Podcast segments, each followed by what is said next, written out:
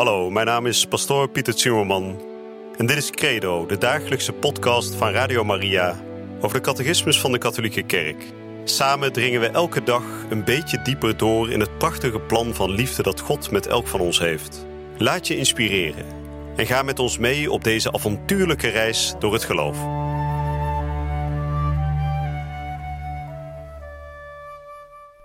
Vrienden, welkom terug bij Credo, weer een nieuwe uitzending waarin we verder gaan met het behandelen van de catechismus van de katholieke kerk. De afgelopen dagen hebben we gesproken over de mens, en dan meer bepaald de mens in het paradijs, het begin van de tijd. De mens die valt voor de zonde. We hebben het er in de laatste uitzending over gehad, de zondeval. Wat betekent dat? Dat Adam en Eva ontrouw werden.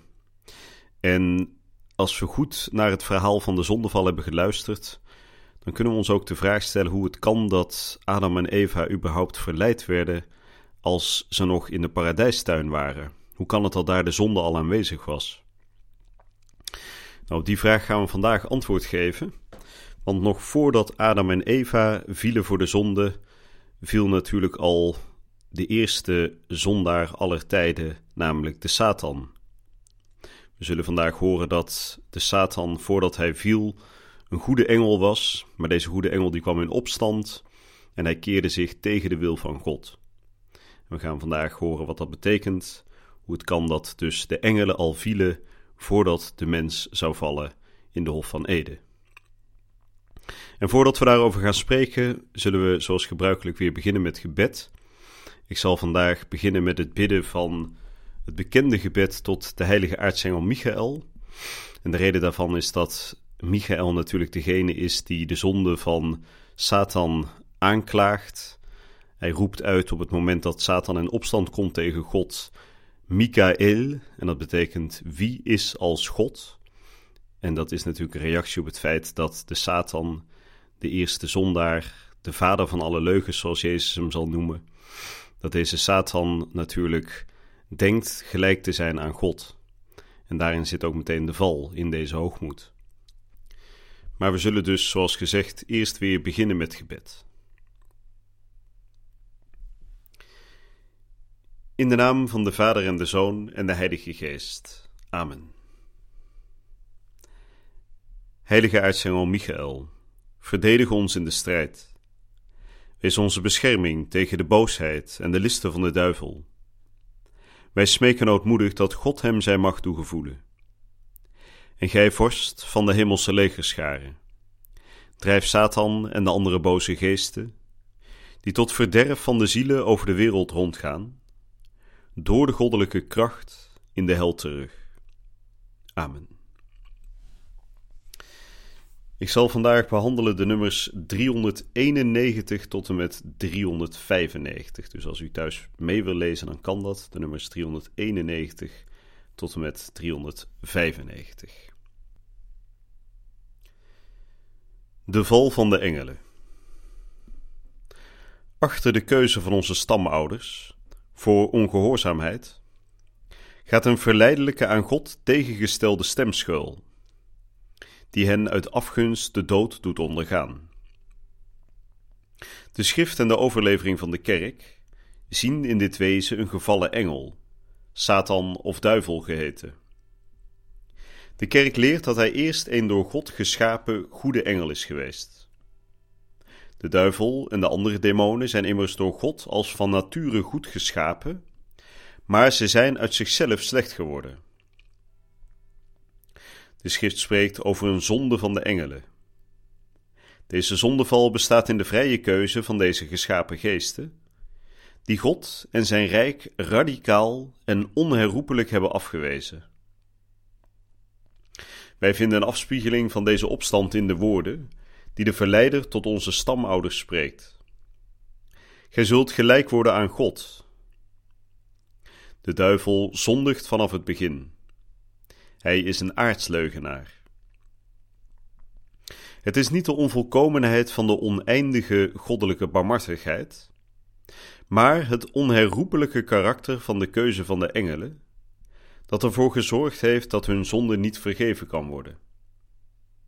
Want na de zondeval is er voor hen geen berouw meer mogelijk, zoals dat ook voor de mensen na de dood onmogelijk is. De schrift getuigt van de noodlottige invloed van hem die Jezus een moordenaar vanaf het begin noemt. En die zelfs geprobeerd heeft Jezus af te houden van de zending die hij van de Vader gekregen had. De Zoon van God is juist gekomen om het werk van de duivel ongedaan te maken. Het werk met de ernstigste gevolgen is de leugenachtige verleiding geweest, die de mens ertoe gebracht heeft ongehoorzaam te zijn aan God. De macht van de Satan is echter niet oneindig. Hij is maar een schepsel, machtig op grond van het feit dat hij louter geest is, maar nog altijd een schepsel. Hij kan de grondvesting van het rijk van God niet verhinderen. Hoewel Satan in de wereld werkzaam is, uit haat jegens God en zijn rijk in Jezus Christus, en zijn handelen zware schade toebrengt, van geestelijke en zelfs indirect van fysieke aard, aan iedere mens afzonderlijk en aan de maatschappij in haar geheel, wordt dit handelen toegelaten door de goddelijke voorzienigheid, die met kracht en met zachte hand de geschiedenis van de mens en de wereld leidt. Het toelaten door God van het handelen van de duivel is een groot mysterie. Maar wij weten dat God in alles het hel bevordert van hem die hem liefhebben. Nou, dat waren de nummers voor vandaag. Iets korter vandaag. Maar dat is goed, want dan kunnen we er wat langer bij stilstaan. We hebben vandaag gehoord over de zonde die dus voorafgaat aan de zonde van Adam en Eva. En dat is de allereerste zondeval. We hebben vandaag gehoord dat er een radicaal en onherroepelijk afwijzen is door Satan en die eerste gevallen engelen.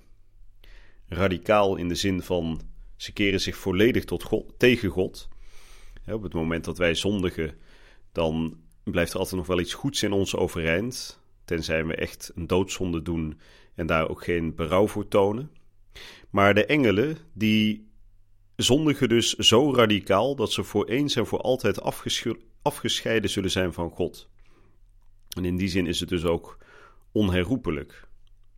En dat is anders bij de mensen. Bij de mensen wordt de gelegenheid gegeven om te bekeren tot aan de dood. daarna is, zoals we net hebben gehoord in de catechismus, het ook voor de mens onmogelijk om je nog te bekeren.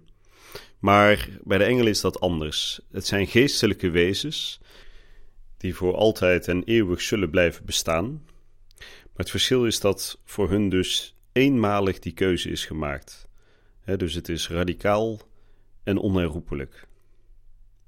En dan wordt er nog gesproken aan het einde vandaag over dat de macht van de Satan weliswaar groot is op aarde, maar de macht van de Satan is niet oneindig. Hij is namelijk maar een schepsel. En in die zin is het ook goed om te zien dat Satan niet een soort gelijkwaardige tegenstander van God is.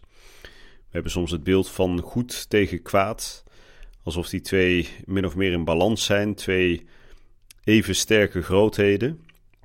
Maar dat is dus niet het feit. In ons geloof geloven we dat God almachtig is en dat er niemand van zijn schepselen ook maar in de verste verte in de buurt komt van zijn almacht. En dus ook de Satan niet, ook al is hij de machtigste van alle boze engelen. Dus zijn macht is eindig, zijn macht is beperkt, zijn macht is begrensd.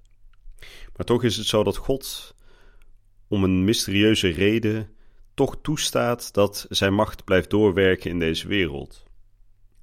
En we hebben net gehoord dat God alleen maar iets toelaat wat uiteindelijk gericht is op het hel van iedereen die hem lief heeft. Dus op het moment dat God kwaad toestaat in de wereld, dan is dat altijd om een nog groter goed daaruit tevoorschijn te halen. Het is een mysterie waar we over komen te spreken in de komende uitzendingen ook nog. Mysterie namelijk van het kwaad dat uiteindelijk niet door God is gewild en wat ook geen eeuwige papieren heeft. aan het einde zal er een scheiding komen. De verlosten zullen voor eeuwig bij God zijn en de verdoemden zullen voor eeuwig van God gescheiden zijn. dus het goed en het kwaad zal zich aan het einde der tijden definitief scheiden. Maar tot die tijd staat God het dus toe dat het kwaad ook werkzaam is in de wereld. En uiteindelijk haalt hij, ondanks dat kwaad, of zelfs um, langs die weg van het kwaad, haalt hij het goede tevoorschijn. Er wordt wel gezegd van God dat hij recht schrijft op kromme wegen. Dus hij gebruikt alles, het goede en het kwade, om zijn helsplan te verwezenlijken. zoals ook het kwade van de zonde uiteindelijk heeft gemaakt dat Christus naar de aarde is gekomen om daar zijn offer aan het kruis te brengen. Dus nogmaals, God wil het kwaad niet. En het kwaad zal ook niet voor altijd blijven bestaan. Het zal gescheiden worden van de hemel, van de goedheid van God en al zijn getrouwen. Maar tot die tijd zal het dus wel onder aanvoering van Satan blijven voortbestaan. En we zullen ook horen dat uiteindelijk dat kwaad alleen te overwinnen is met de hulp van Jezus Christus, de Zoon van de Goede, van de Vader. Nou, dat was de catechese voor vandaag. Ik hoop u bij de volgende uitzending weer te ontmoeten hier bij Radio Maria. Je luisterde naar Credo, de dagelijkse podcast van Radio Maria over de catechismus van de Katholieke Kerk. Credo is iedere werkdag te beluisteren op Radio Maria. Maar je kunt de afleveringen ook in je eigen tempo terugluisteren op onze website, in de app of op Spotify en de andere platforms. Via de website radiomaria.nl vind je dagelijks de link om de bijbehorende teksten uit de catechismus mee of terug te lezen. We zijn erg dankbaar voor alle giften die wij mogen ontvangen. Daardoor kunnen we ons goede werk blijven doen. Draag je ook bij aan deze missie?